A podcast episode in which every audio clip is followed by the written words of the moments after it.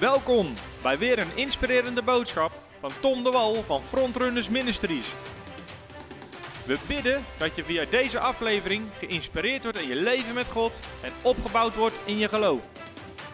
We gaan nu beginnen met het onderwijs. We zijn dus bezig met een serie over genezing. En we hebben de genezingsvraagstukken eh, hebben we naar gekeken. Wil God altijd genezen? Allerlei manieren.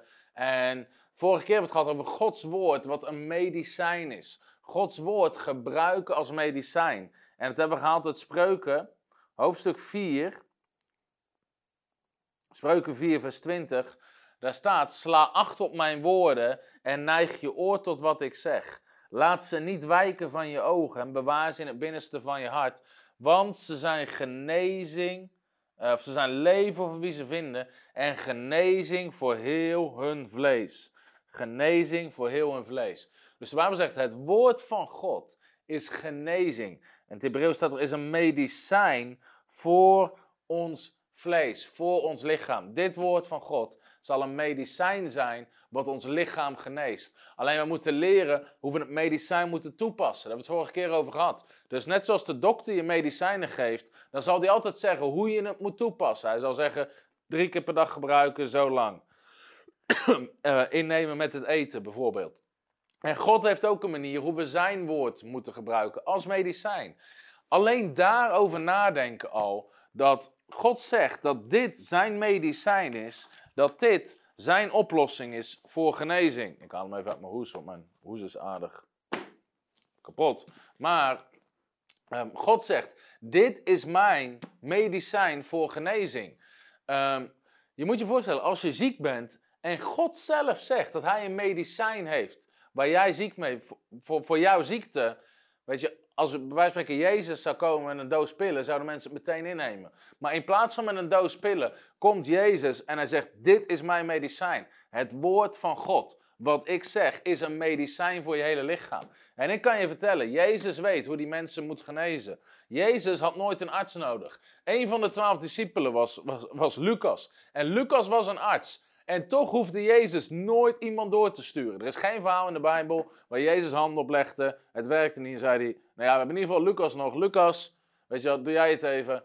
Nee, Jezus hoefde niemand door te sturen naar de arts. Waarom? Hij weet hoe genezing werkt. En dus Jezus zegt, dit is het medicijn wat ik geef aan mensen. En dus deze uitzending wil ik daar... Um, dus als je vorige uitzending niet geluisterd hebt, luister hem terug via Spotify, via YouTube, um, over, over genezing. Maar deze uitzending wil ik nog iets dieper ingaan op hoe kunnen we dit woord van God toepassen, zodat het daadwerkelijk genezing brengt. Ik wil beginnen met Psalm 107, vers 20. En als je vragen hebt tussendoor, kan je ze altijd stellen. En dan zal ik ze deze keer beantwoorden of de volgende uitzending. Ik, uh, want dan wil ik vragen gaan beantwoorden, onder andere. Psalm 107, vers 20. Daar zegt de Bijbel: Hij zond zijn woord en hij genas hen. Hij zond zijn woord en hij genas hen. En hij bevrijdde hen uit hun grafkuilen.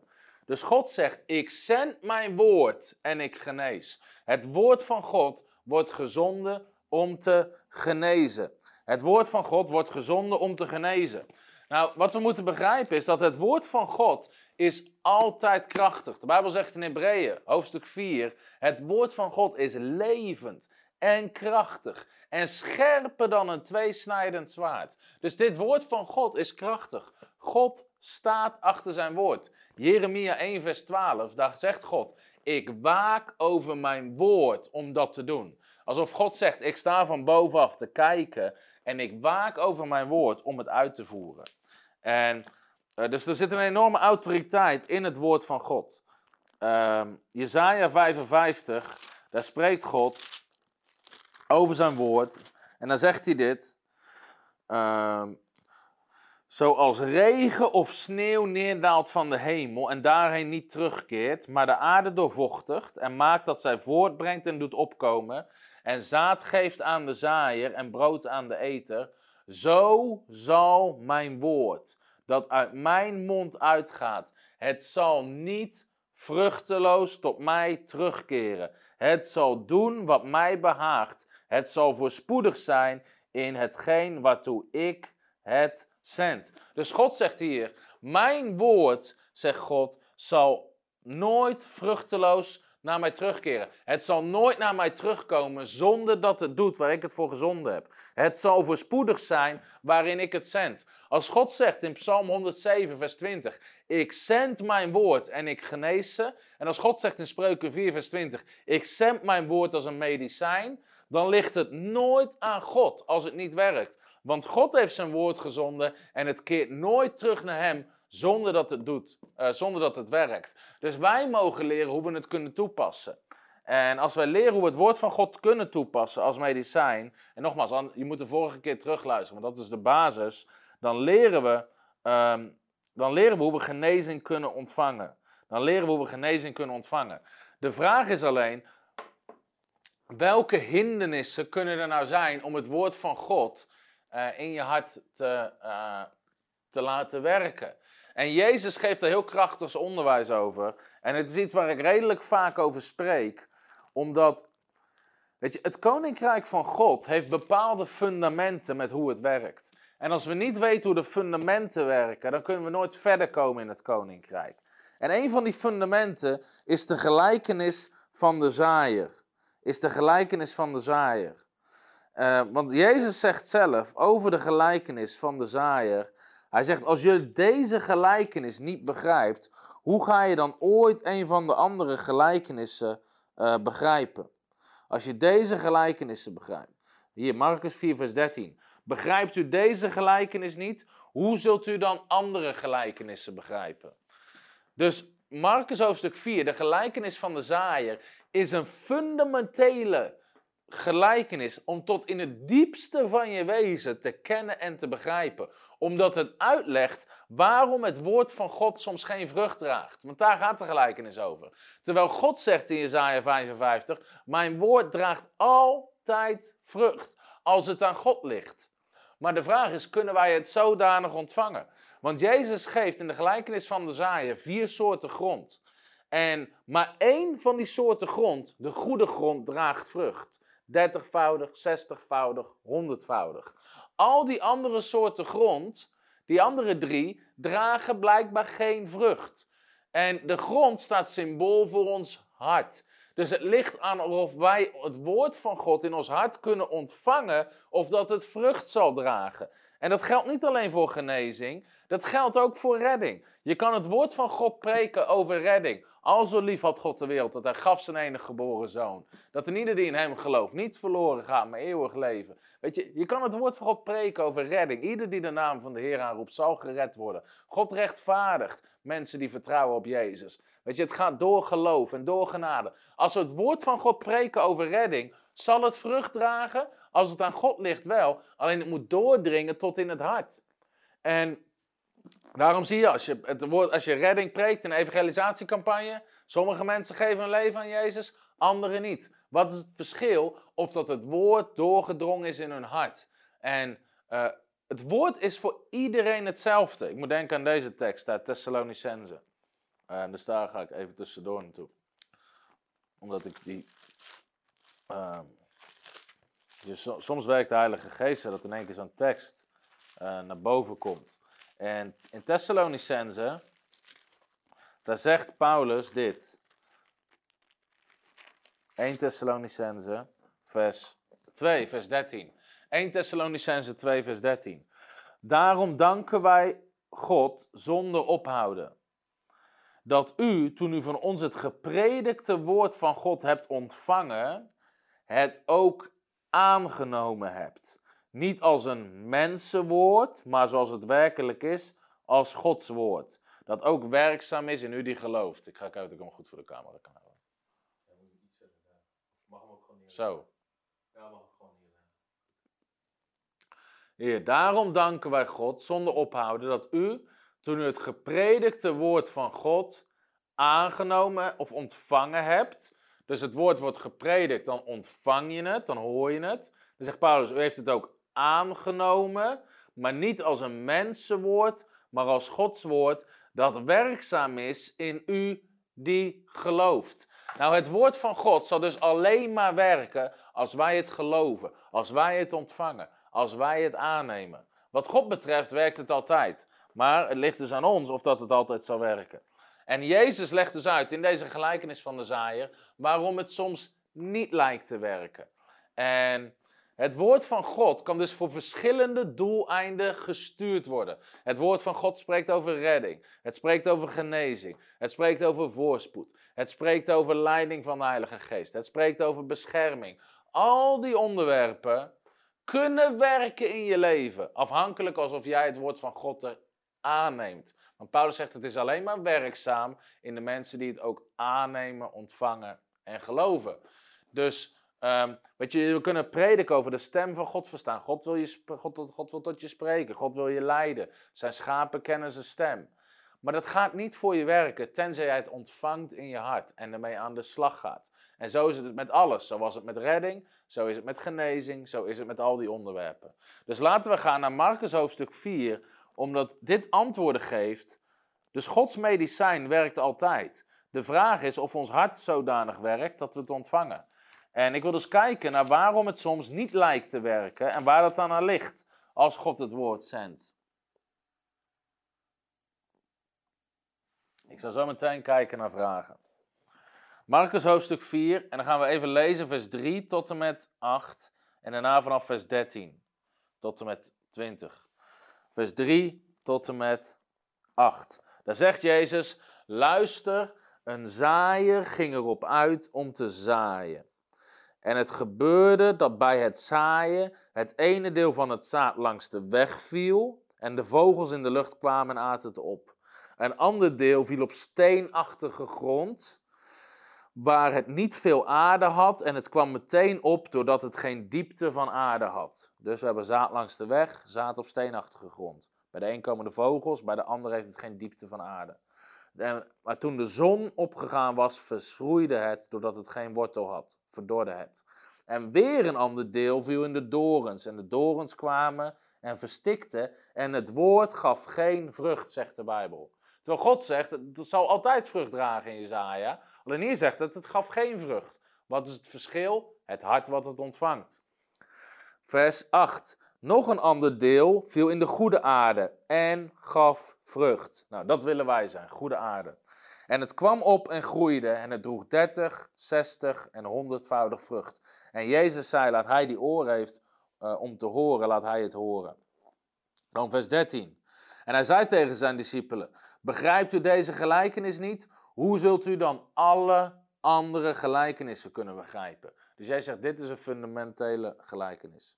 De zaaier, dus nou gaat Jezus het uitleggen. De zaaier is hij die het woord zaait. Nou, dat is zowel God die zaait zijn woord, maar ik ben op dit moment een zaaier. Ik ben het woord van God aan het zaaien, ben ik aan het spreken. De zaaier is hij die het woord zaait.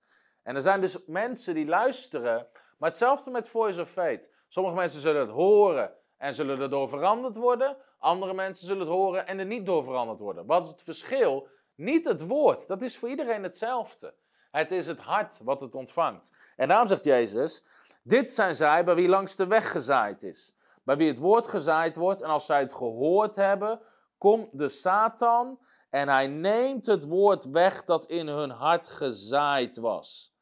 En als we dan Lucas, Lucas hoofdstuk 8 staat dezelfde gelijkenis, dan staat erbij: En hij komt en steelt het woord omdat ze het niet begrijpen en opdat ze niet zalig worden. Ga ik zo meteen wat meer over zeggen.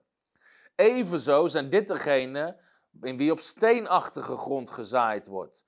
Als zij het woord van God hebben ontvangen, zijn ze vol vreugde, maar ze hebben geen wortel in zichzelf. Het zijn mensen van het ogenblik. Als er verdrukking of vervolging komt omwille van het woord, struikelen zij meteen. En dit zijn zij, vers 18, bij wie in de dorens gezaaid wordt. Zij horen het woord, maar de zorgen van deze wereld, de verleidingen naar rijkdom en de begeerte naar al het andere komen erbij. En zij verstikken het woord en het wordt onvruchtbaar. Maar dit zijn zij bij wie in goede aarde gezaaid wordt. Zij horen het woord, nemen het aan en dragen vrucht 60 of 30, 60 en 100 Oké, nou deze gelijkenis is van toepassing op ieder onderwerp waar het woord van God over spreekt. Ehm, maar we spitsen het nu toe op genezing. Dus de zaaier zaait het woord, zegt Jezus. Psalm 107 zegt God zond zijn woord en hij genas hen. Dus het woord van God spreekt over genezing. Dus we zijn het woord van God over genezing. Maar wat bepaalt of dat het vrucht gaat dragen? De soort grond waar het invalt. Nogmaals, het zaad is hetzelfde. Het woord van God is voor iedereen hetzelfde. De grond, wat symbool staat voor onze harten, is wat het verschil maakt. Ehm, nou, drie van die vier categorieën dragen geen vrucht. En daar wil ik eerst naar gaan kijken. De allereerste is zaad wat langs de weg valt. Zaad wat langs de weg valt. En dan zegt, ik ga hem even Lucas lezen. Zij bij wie het zaad langs de weg gezaaid wordt, zij zijn het die het horen, maar de duivel komt het woord wegnemen uit hun hart, opdat zij niet geloven en zalig worden. Dus de Bijbel zegt hier, de duivel komt en hij steelt het woord. En Matthäus zegt, hij kan het stelen omdat ze het niet begrijpen, opdat ze niet geloven en daardoor niet zalig worden. Nou, dat woord zalig, dat woord zalig, dat is in het Grieks soteria of sozo. En dat betekent niet alleen vergeving van zonde, het betekent verlossing. Alles waar Jezus voor stierf aan het kruis. En Jezus stierf ook voor jouw genezing. Door zijn striemen ben je genezen. Jezaja 53. Hij stierf voor jouw vergeving, voor jouw rechtvaardiging, voor jouw genezing en voor je voorspoed. 2 Korinthe 8 vers 9. Hij werd arm opdat wij rijk zouden worden. Dat is een ander onderwerp. Maar onder andere voor genezing. Dus als de Bijbel zegt dat de duivel het woord steelt uit ons hart, opdat we het niet geloven, opdat we niet zalig worden, betekent dat ook opdat we niet genezen, opdat we niet voorspoedig worden, opdat we niet rechtvaardig worden, opdat we niet vergeven worden. Dus dat zit allemaal in het woordje zalig, gered worden. Maar wat doet de duivel? Hij steelt het woord uit de harten van mensen, want hij weet als hij het woord kan stelen, kan er nooit geloof ontstaan. En geloof zorgt ervoor dat je ontvangt van God. En weet je, de Bijbel zegt dat de duivel is een dief. Maar het allereerste wat hij zal stelen in je leven is wat God zegt. Want als je niet meer weet wat God zegt, als hij dat uit je hart kan trekken, dan, um, dan kan je nooit geloven en daardoor nooit ontvangen. Want we ontvangen de beloftes van God door geloof, zegt de Bijbel. Het is door geloof dat we het ontvangen. Um, dus als we kijken naar de bloedvloeiende vrouw, bijvoorbeeld in Marcus hoofdstuk 5. Het woord was in haar hart gezaaid, had van Jezus gehoord, zegt de Bijbel. En daarna ging ze in geloof en ze raakte hem aan. Weet je, Satan heeft waarschijnlijk geprobeerd om dat woord uit haar hart te stelen. Door te zeggen, hé, hey, voor jou werkt het niet, ga dat nou niet doen, raak hem nou niet aan, laat het lekker zitten, wat zullen mensen wel niet van je denken. En hij probeerde het woord te stelen, te stelen, te stelen.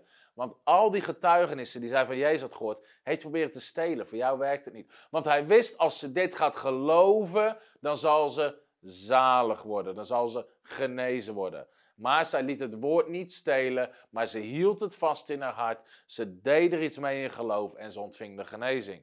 Dus de Satan probeert altijd het woord van God te stelen over genezing. Daarom is er zoveel strijd als het gaat om genezing en het woord van God. Niet omdat het woord van God moeilijk is over genezing. Het woord van God is kraakhelder over de wil van God om te genezen. Maar het is de duivel met religieuze leugens bij mensen over hoe zit het met Job, hoe zit het met dit, hoe zit het met dat? Wat de duivel zaait en zaait en zaait en zaait, omdat hij niet wil dat ze geloven en gezond worden. En daarom is de duivel is een leugenaar. En hij zal blijven religieuze argumenten aanhalen naar mensen, opdat ze niet geloven. Opdat ze niet geloven. En daarom is het zo belangrijk om het woord van God te prediken. De Bijbel zegt in 2 Korinthe 10 dat we bolwerken neerhalen die in de gedachten van mensen zitten. Er zijn vaak bolwerken, dat zijn geen demonische geesten boven een gebied. Het zit in gedachten van mensen geplant. Dus als mensen een bolwerk hebben, God wil niet genezen, uh, want Job die was ziek. Dan is dat een bolwerk waar het woord van God ondanks dat het het woord van God is, niet doorheen kan dringen. Want als ze horen, door zijn streamen ben je genezen, kaatst dat af op dat bolwerk. Ja, maar Job dan. Ja, maar Job dan. Ja, maar Job dan. En dat zaad keert terug, zodat ze niet geloven, zodat ze niet zalig worden, zodat ze niet genezen. En daarom moeten we het woord van God prediken en zeggen: ten eerste werd Job genezen. Ten tweede was het de duivel die hem ziek maakte. En ten derde leert het Nieuwe Testament dat we de goedheid van God zien. Als we kijken naar het verhaal van Job. En we moeten het woord van God preken. En Jezus zat niet met Job in zijn hart. Hij genas aan de lopende band zieken. Hij zei tegen niemand: kijk naar Job. Weet je, we moeten het woord van God preken om dat bolwerk uit hun denken te trekken. En de eerstvolgende keer dat dat zaad gezaaid wordt, bam, komt het in hun hart. Maar daarom is het zo belangrijk dat we religieuze leugens van de duivel ontmaskeren. Net zoals, ja, je weet nooit wat de wil van God is. En als het niet gebeurt, was het niet Gods wil. We kunnen nooit precies weten wat zijn wil is. Zijn wegen zijn hoger dan onze wegen. Ook dat staat in Jezaja 55. Dat is niet voor de gelovigen, maar voor de ongelovigen. Voor de mensen die God niet kennen. Tegen die mensen zegt God, mijn wegen zijn hoger dan uw wegen. We hebben een aantal keer behandeld in andere uitzendingen. Maar allemaal dat soort dingen moet je behandelen voor mensen. Waarom? Je bent bolwerk aan het neerhalen, zodat uiteindelijk dat woord van God in hun hart kan landen. En daarom is net zoals met een evangelisatiecampagne. Wat predik je? God houdt van je. God wil je redden. God wil je vergeven. En wat je aan het doen bent op het moment dat je aan het prediken bent, jij bent die zaaier en je bent bolwerk aan het neerhalen. Dus net zoals in Afrika, dan predik je. Ik kom net terug uit Afrika, vandaar dat ik dat als voorbeeld aannam. Maar het kan in Nederland hetzelfde. God houdt van je, wat je ook gedaan hebt, wie je ook bent, waar je ook vandaan komt.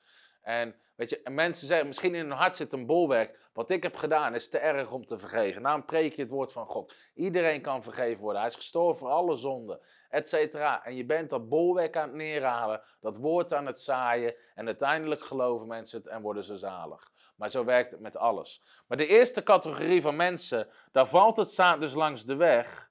Ehm, en dan zegt de Bijbel, dus omdat Satan het uit hun hart steelt. En Matthäus zegt dan, omdat ze het niet begrijpen. Dus dat zegt Matthäus, omdat ze het niet begrijpen. En het kan gestolen worden, of dat is niet Matthäus die het zegt, dat is, uh, ja, dat is Matthäus. We hebben net gelezen uit Marcus. Maar Matthäus zegt dan, het woord werd gestolen omdat ze het niet begrepen. En daarom is het zo belangrijk dat we de waarheid kennen over wat God zegt over Job. En over Paulus zijn doorn in het vlees, zodat dat geen bolwerken worden. Want als we het woord van God niet begrijpen, dan zal het geen vrucht dragen. Dus um, hoe doet Satan dat? Niet begrijpen. Ten eerste dus die excuses. Of de bolwerk over Job, Paulus, etc. Daarom hebben we die behandeld. Ten tweede, um, niet begrijpen. Weet je, er gebeuren dingen in ons leven die we niet begrijpen. De vraag is alleen, hoe ga je ermee om? En al laat je een teleurstelling worden in je hart, ga je nooit vrucht dragen. Altijd als het gaat over genezing zeggen mensen, ja, ik had een tante Babs en die is ook overleden, dus daarom doen we er niks meer mee. Weet je, jouw tante Babs is niet de waarheid. Jezus zegt, ik ben de weg, de waarheid en het leven. Als je naar mij kijkt, heb je de Vader gezien. Jezus zegt niet, als je naar tante Babs kijkt, heb je de Vader gezien. Dus met al die dingen, het zijn allemaal, we maken allemaal dingen mee die we niet begrijpen. Maar daarom zeg ik altijd, bouw je theologie niet op je tragedie. Bouw je wat jij gelooft over God. Bouw het op het woord van God. En niet op wat jij ziet met je omstand, met, in je natuurlijke omstandigheden. Want dat is niet de waarheid. Het woord is de waarheid, zegt Jezus. Niet wat wij zien. Want als we bouwen op wat onze ervaring is, gaan we gigantisch de mist in. Net zoals de discipelen in Matthäus 17, die proberen om iemand te genezen en het lukt ze niet. Al hadden ze daar hun doctrine op gebouwd, dan zegt ja, zie je, God wil niet altijd iedereen genezen en we begrijpen het ook niet en zijn wegen zijn nog hoger. Weet je, hadden ze allemaal kunnen doen, totdat Jezus kwam. Jezus zegt, breng die jongen bij mij en hij geneest hem. Dus al hadden zij hun theologie gebouwd op hun tragedie, op hun ervaring, waren ze gigantisch de mist in gegaan. Maar gelukkig was Jezus er en konden ze bouwen op Jezus, namelijk dat Hij altijd wil genezen. En nogmaals, er gebeuren altijd situaties in ons leven die we niet begrijpen, maar het mag nooit leidend zijn. Het woord van God is leidend. Dus de kerk waar ik in terecht kwam toen ik tot geloof kwam, weet je, en we waren bezig met genezing en wonderen en en pastor Bernard, Bernard Outhoff is daar voorganger, hij is een goede vriend van mij. Uh, maar zijn vrouw Esther overleed in die tijd uh, aan kanker. En een hele heftige situatie. En, en Bernard geeft er ook les over op onze Bijbelschool, die daarmee om is gegaan en wat hij ervan geleerd heeft, hoe hij het anders zou doen. Maar goed, daar gaat deze uitzending niet om. Het punt is um, dat op dat moment begreep ik er helemaal niks van. En als we terugkijken, hadden we dingen anders gedaan, et cetera. Op dat moment begreep ik er niks van. Maar ik maakte één keuze, maakte wel een keuze in mijn hart. Ondanks dat ik hier niks van begrijp, blijf ik bidden voor zieken. Blijf ik God geloven voor genezing. Want Gods woord is de waarheid en niet wat hier zojuist gebeurd is. En vanaf die dag, weet je, we zijn alleen maar toegenomen in wonderen. En sommige diensten hebben we zoveel wonderen dat we niet eens bijhouden hoeveel mensen er genezen.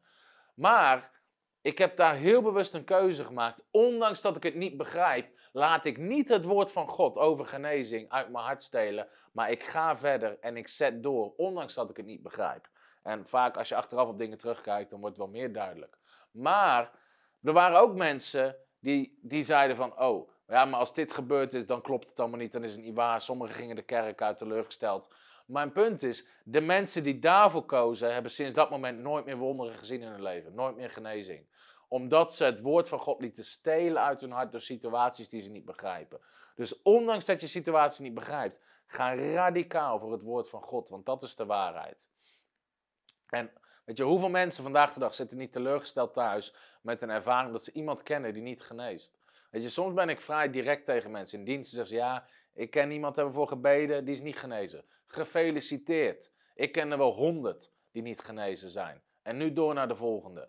Weet je, als je daar blijft hangen, dan gaan we nooit verder komen hiermee. Weet je, mensen zitten, ja, maar ik ken iemand die niet...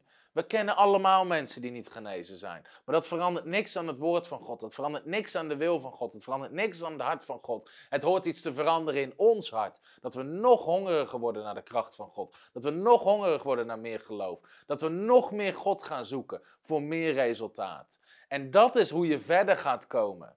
Weet je, net als ik, ik, ben, ik moest vandaag lesgeven op Foundation for Life, de Bijbelschool in Ermelo.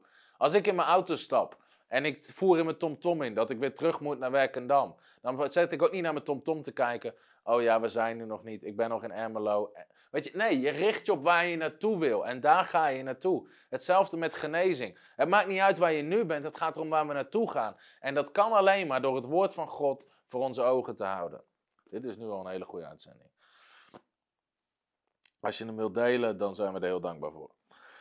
Dus als we dingen niet begrijpen. Daarnaast, begrijpen betekent ook doen. Dus Satan kan het woord van God stelen uit je hart als je het niet begrijpt. Maar betekent ook als je het niet doet. Als je het niet doet. Kijk, vroeger op de basisschool, dan, dan kwam de juffrouw naar voren en die tekende dan op het bord 3 plus 3. En dan vroeg ze, wie begrijpt dit? En als je dan je hand opstak zei, ik begrijp het, dan moest je naar voren komen, het krijtje pakken en moest je het doen. Je moest het goed doen. En als je het niet goed deed, dan begreep je het blijkbaar niet. En um, dus begrijpen en doen is, is in de Bijbel hetzelfde. Is in de Bijbel hetzelfde. Dus het gaat niet om hoofdkennis, het gaat om een veranderd hart als het woord van God dat je spreekt. En dat is ook iets waardoor we soms geen vrucht dragen, omdat mensen hebben een hoofd vol kennis, maar geen hart van actie. Dus je kan op zondagochtend in een kerk spreken en uitleggen dat mensen hebben de autoriteit en kracht gegeven om zieken te genezen. Leg je hand op zieken. Je kan allemaal uitleggen hoe het werkt. Je kan twee maanden later terugkomen en precies dezelfde preek houden. En dan zullen mensen zeggen, ja, ja, ja, maar dat, eh, dat, dat, dat weet ik al. Oh ja, hoeveel zieken zijn er in de tussentijd genezen? Hoeveel mensen heb je handen opgelegd? Ja, nou, uh, nee, uh, dat is niet gelukt, niet van gekomen. Nee, het woord van God is dan wel gezaaid, maar je hebt er niks mee gedaan. En als je niet oppast, dan steelt de duivel het, omdat je het niet doet. Dus alles wat je hoort, moet je praktisch maken, omdat we anders een hoofd vol kennis hebben, maar geen hart van actie. En dan de valko is dat we denken, ik weet het al, maar doe je het al? Dat is de vraag.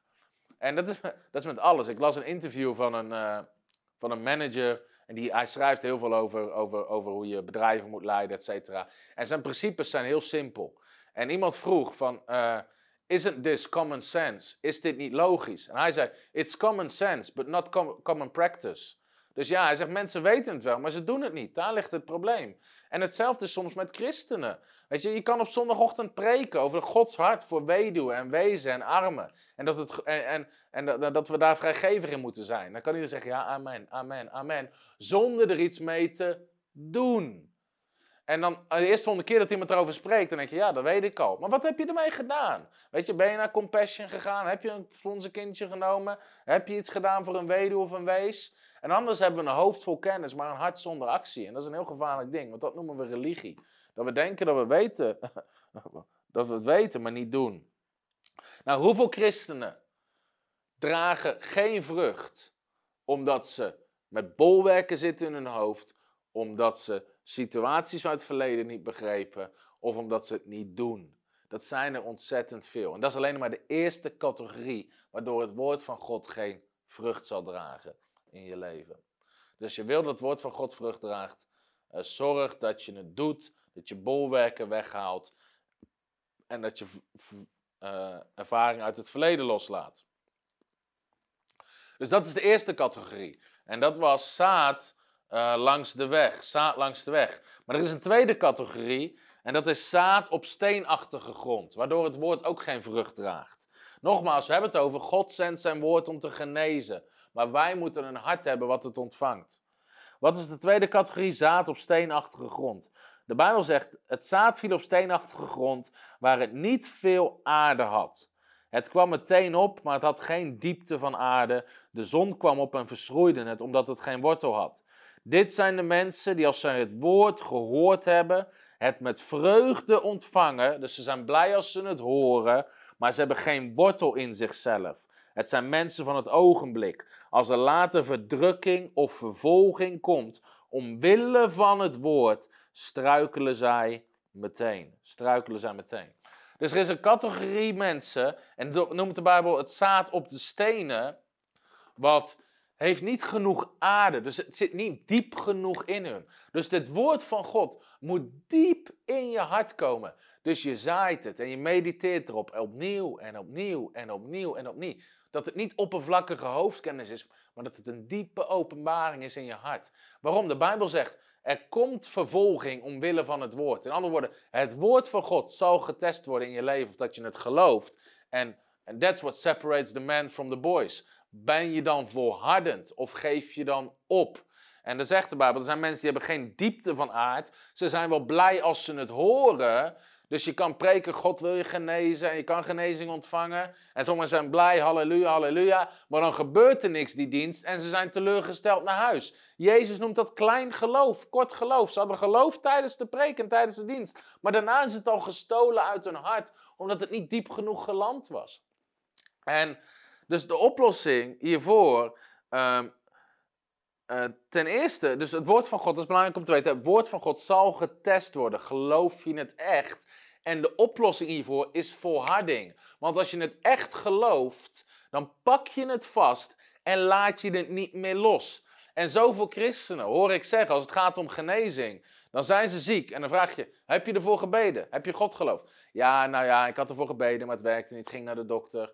In andere woorden, ze hadden ergens last van. Ze zeiden, Heere genees me in Jezus naam, amen. Nee, niks gebeurd, hup naar de dokter. Geloof van drie seconden. Weet je, het is, het is, dat is niet eens wandelen door geloof, dat is wandelen door gevoel. Voel ik het? Nee, oké, naar de dokter.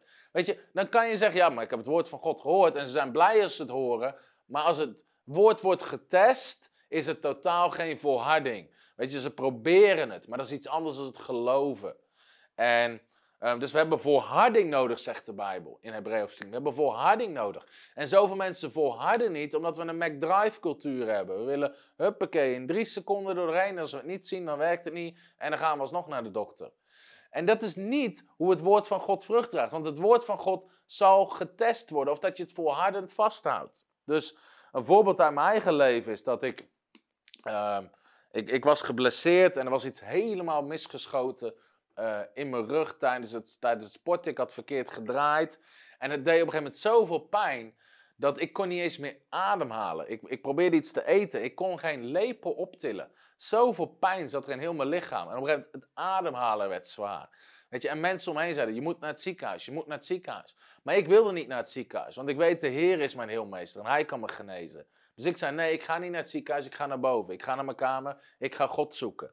En ik ging op bed liggen en ik begon het aan te spreken. En ik begon te zeggen, door zijn streamen ben ik genezen. Dank u wel dat ik genezing ontvang. Ik pakte mijn Bijbel. Ik ging mediteren op teksten over genezing. En ik ging God danken. Dank u wel dat ik genezen ben. Door uw streamen ben ik genezen. U heeft gedragen alles waar ik onder leid.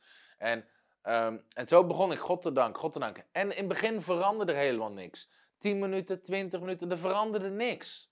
Maar ik gaf het niet op, want het woord van God is diep gezaaid. Het is niet oppervlakkig.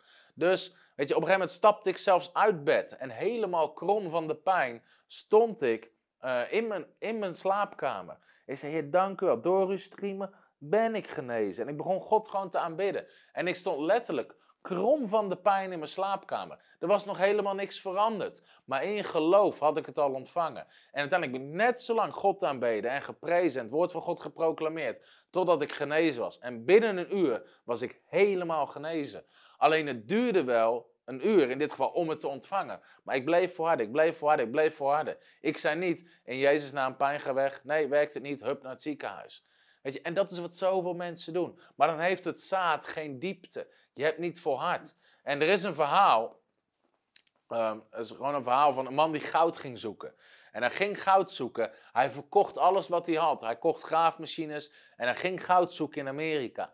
En hij vindt niks en hij vindt niks en hij vindt niks. En op een gegeven moment zegt hij, joh, dit werkt niet. En hij stopt ermee, hij verkoopt al zijn spullen, hij laat ze daar staan, hij verkoopt ze aan een opkoper en hij gaat terug naar huis. En hij pakt zijn oude leven weer op. En de opkoper die alle spullen had opgekocht, die ging naar de plek toe waar die man aan het graven was. Die testte of dat de graafmachine het nog deden. Hij zet één schep in de grond waar de man gestopt was. En hij stuit op de grootste goudadder die ooit gevonden is.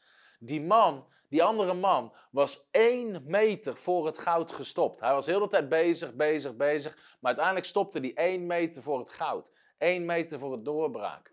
Weet je, en zo kan het ook zijn in ons leven. Als we opgeven, verliezen we en ontvangen we het niet. En daarom moet je nooit opgeven. Ze zeggen altijd: stoppers winnen niet en winnaars stoppen niet. Je moet een volhardend geloof hebben. Je moet een lang geloof hebben. Je moet een standvastig geloof hebben. En geen kort geloof. Want dan zal het niet werken. Dan zal het woord van God geen vrucht dragen. En een ander getuigenis hiervan, wat we wel vaker vertellen, is, uh, is het getuigenis van, uh, van een jongen uit onze kerk die zwaar autisme had. En zijn ouders gingen in geloof staan voor genezing. En weet je, hij kon mensen niet eens aankijken, hij kon niet normaal eten, hij ging naar een speciale school, hij kon niet praten. Zijn ouders gingen in geloof staan voor genezing. En ze legden handen op en ze spraken het woord van God. Door zijn stream is hij genezen. De Heer draagt al onze ziekte, hij geneest al onze ziekte. En ze spraken het woord van God en ze, ze legden handen op.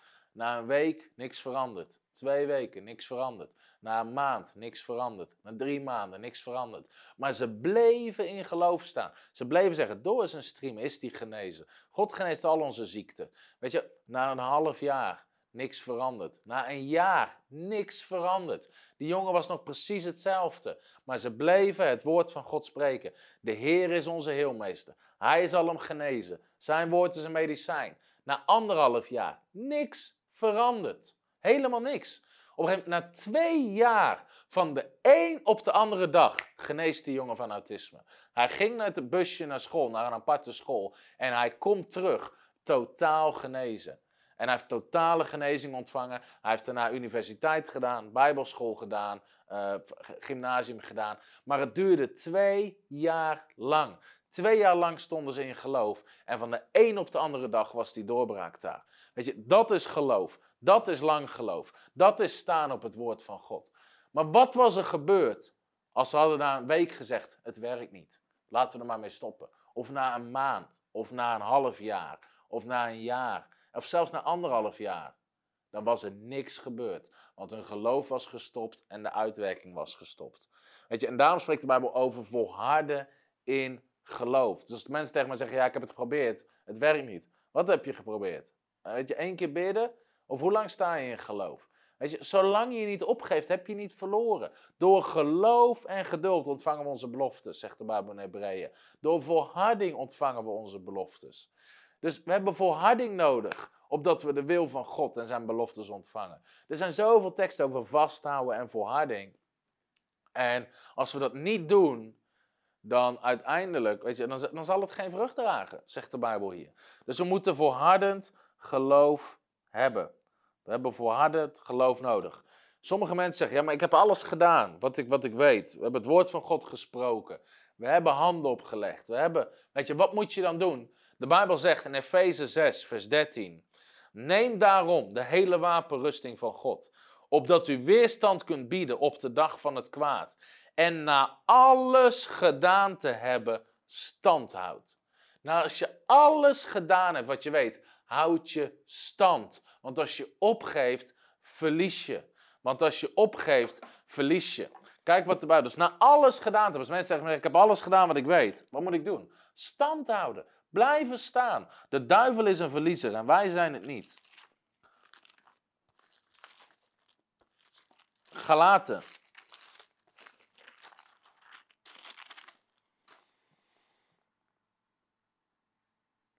Hoofdstuk uh, 9. Gelaten 6, vers 9. Gelaten heeft geen 9 hoofdstukken. Dus als jij net Gelaten 9 had gevonden in je Bijbel, laat het me weten, want dan ben ik benieuwd wat er staat. Gelaten 6, vers 9. Laten we nooit moe worden om goed te doen. Wat is goed doen? In dit geval op het woord van God staan, geloof voor genezing.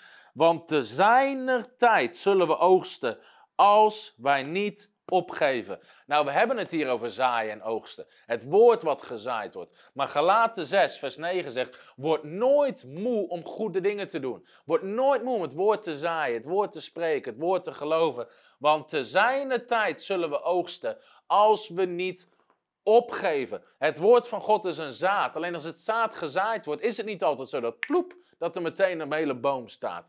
Dat zaad begint te groeien en te groeien en te groeien.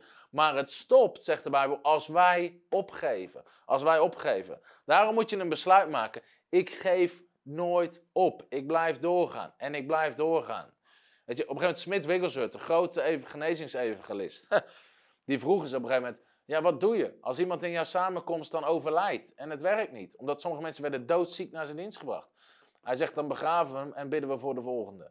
Weet je, een heel radicaal antwoord. Maar zijn punt was, ik geef niet op omdat het niet, omdat het niet gewerkt heeft. Waarom? Dan, dan, dan stopt het. Maar ik ga door en ik ga door en ik ga door. En iemand vroeg aan, een andere man van God, weet je, wanneer stop je met bidden? Hij zegt, als we ze begraven hebben, dan stoppen we met bidden. Tot die tijd staan we in geloof voor genezing. Smith Wigglesworth zei zelf, toen hij zelf ziek was in zijn lichaam, hij ging radicaal in geloof staan voor genezing. En hij zei, je moet naar de arts, je moet naar de arts. Hij zei, nee, God zal me opereren. Hij had een operatie nodig. En hij zei op een gegeven moment, ik sterf liever in geloof dan dat ik leef in ongeloof. En ehm, nogmaals, als dat zijn geloof is om niet naar de arts te gaan, dat is zijn ding, dat hoef jij niet te doen. Maar zijn houding was wel, ik sterf liever in geloof dat ik sta op het woord van God, dan dat ik leef in ongeloof. En God genas hem. Want als we geloof hebben, dan doet God wonderen. Dus we houden vol. Reden nummer drie. Dus we hebben nou gehad het zaad langs de weg, het zaad op steenachtige grond. En de derde reden is het zaad tussen de distels en de dorens. Het zaad tussen de distels en de dorens. Dat is de derde categorie. En de Bijbel zegt: zij horen het woord van God, maar de zorgen van deze wereld, de verleidingen naar rijkdom en het verlangen naar al het andere verstikken het woord en het woord wordt onvruchtbaar. Dus bij de eerste categorie werd het gestolen, bij de tweede categorie werd het verschroeid, dus de zon kwam erop, de verdrukking kwam erop en het hield geen stand. Bij deze derde categorie stikt het zaad. Nou, wanneer, stik, wanneer kan je stikken? Als er meer lucht uitgaat dan er binnenkomt, dan stik je. En hier wordt het zaad wordt verstikt door dingen waardoor het niet kan groeien. Er kunnen dus dingen zijn in ons leven, wat het woord van God, wat wij zaaien in ons hart, wat er blijkbaar bovenop komt te liggen als stenen, wat het verstikt, waardoor het geen vrucht kan dragen. Wat zijn die dingen? En ik ga het even toepassen op genezing, maar de zorgen van deze wereld. Zorgen maken. Zorgen maken is het tegenovergestelde van geloof. Sterker nog, ik durf heel radicaal te zijn. Zorgen maken is zonde. Want Jezus zegt: maak je geen zorgen. Matthäus hoofdstuk 6. Een opdracht van Jezus. Maak je geen zorgen. En de Bijbel zegt in 1 Petrus 5 in Jacobus: werp je zorgen op de Heere, want Hij zorgt voor je. In andere woorden, God maakt zich wel zorgen voor je, zegt, zegt de Bijbel. Nou, dit is zulk radicaal onderwijs, omdat we excuses hebben waarom het wel toegestaan is. Ja, maar je weet niet wat de situatie is van mijn kinderen. Jezus zegt niet, maak je geen zorgen, tenzij je kinderen in een heftige situatie zitten. Tenzij het slecht gaat met je kinderen op school. Jezus zei, maak je geen zorgen, punt. Geen enkele situatie. Waarom? Wat zorgen maken doet, is nadenken over een verkeerde uitkomst. Dat is zorgen maken. Wat als het dit gebeurt? Wat als het dit gebeurt? Wat als het af, wat als zo? Dus zorgen maken is ongeloof. En als we ongeloof toelaten, dan zegt de Bijbel, dan gaan we het niet ontvangen van God, zegt Jacobus. Als we vragen aan God, moeten we vragen in geloof, niet dubbelhartig zijn, niet twijfelen, want dan zal het niet werken. Dat is Jacobus, hoofdstuk 1. En Jezus zei in Marcus 11, vers 23. Uh, Jezus zegt, die zal ik, ik zal eerst Jacobus lezen voordat we naar Marcus 11 gaan. Jacobus 1, hier legt Jacobus uit hoe geloof werkt. Maar laat hij in geloof vragen en daarbij niet twijfelen. Want ze, en dan zegt hij, want iemand wie twijfelt lijkt op de golf van de zee die op en neer gaat. En zo iemand moet niet denken dat hij iets ontvangt van God, want hij is dubbelhartig. Hij is dubbelhartig. En in Marcus hoofdstuk 11, daar zegt Jezus, voorwaar ik zeg u, wie tegen deze berg, doe maar uit mijn hoofd, wie tegen deze berg zal zeggen en niet zal twijfelen in zijn hart, maar zal geloven dat wat hij zeggen zal gebeuren, het zal gebeuren wat hij zegt. Dus wie tegen deze berg zal zeggen, werp je op, wordt in de zee geworpen en niet zal twijfelen in zijn hart. Dus twijfel blokkeert God om te werken.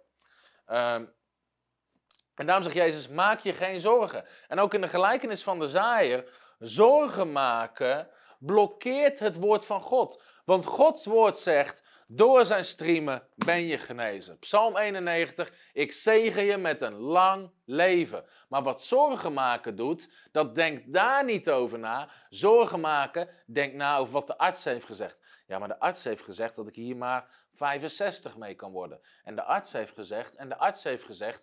En dan in plaats van dat je het woord van God naar jezelf herhaalt, God zegt dat ik lang zal leven, door zijn, ben je aan het herhalen, ben je zorgen aan het maken, ben je zorgen aan het maken. En het stikt het woord van God, want in plaats van dat dit begint te groeien, het woord van God begint te groeien, beginnen de zorgen te groeien, want alles waar jij op focust, groeit. Alles wat je aandacht geeft, groeit. Dus als je aandacht geeft aan die zorgen, gaat het groeien en is dat wat je krijgt.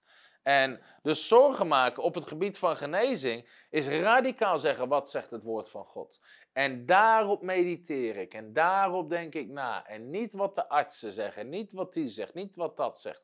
Weet je, mensen kunnen zeggen, dit is ongeneeslijk. Bij God is niks ongeneeslijk. Daarom hou ik van alle Bijbelverhalen waar radicale genezingen. Weet je, we lezen niet van Jezus die hoofdpijn en rugpijn geneest. Hoewel hij dat deed, want hij genas iedereen, zegt de Bijbel. Hij genas iedereen. Maar de verhalen die eruit gelicht worden, zijn mensen die blind waren vanaf hun geboorte, kreupen vanaf hun geboorte, 38 jaar ziek, zoals bij Bethesda, 12 jaar lang bloedvloeien, 18 jaar rugpijn. Het zijn allemaal extreme verhalen, blind vanaf Bartimaeus, die blind was. Weet je, om te laten zien, bij God is niks ongeneeslijk. God kan alles genezen, God wil alles genezen.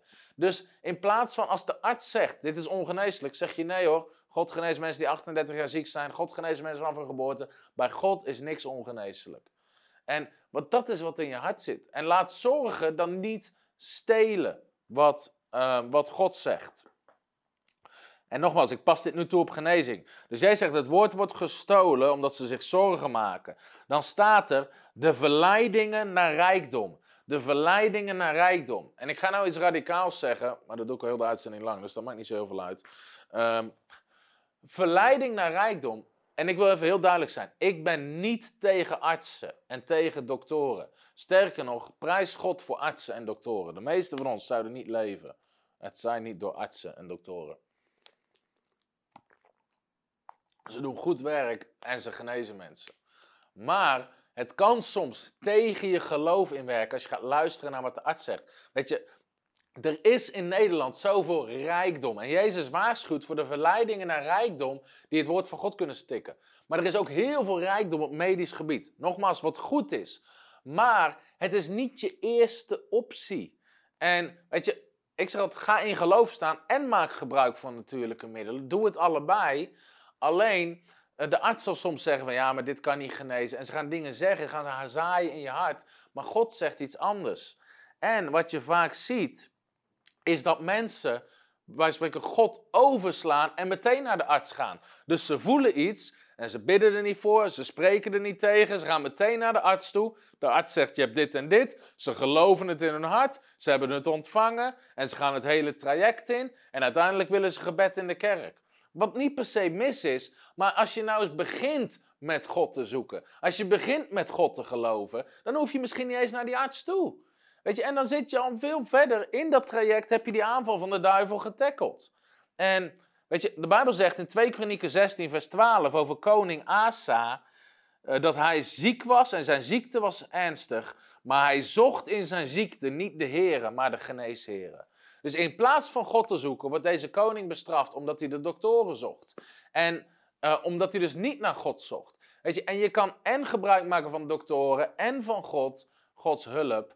Maar grijp niet te snel naar de verleidingen, van rijkdom. Weet je, soms spreken christenen en zeggen ook, oh, ik moet zo meteen naar de dokter.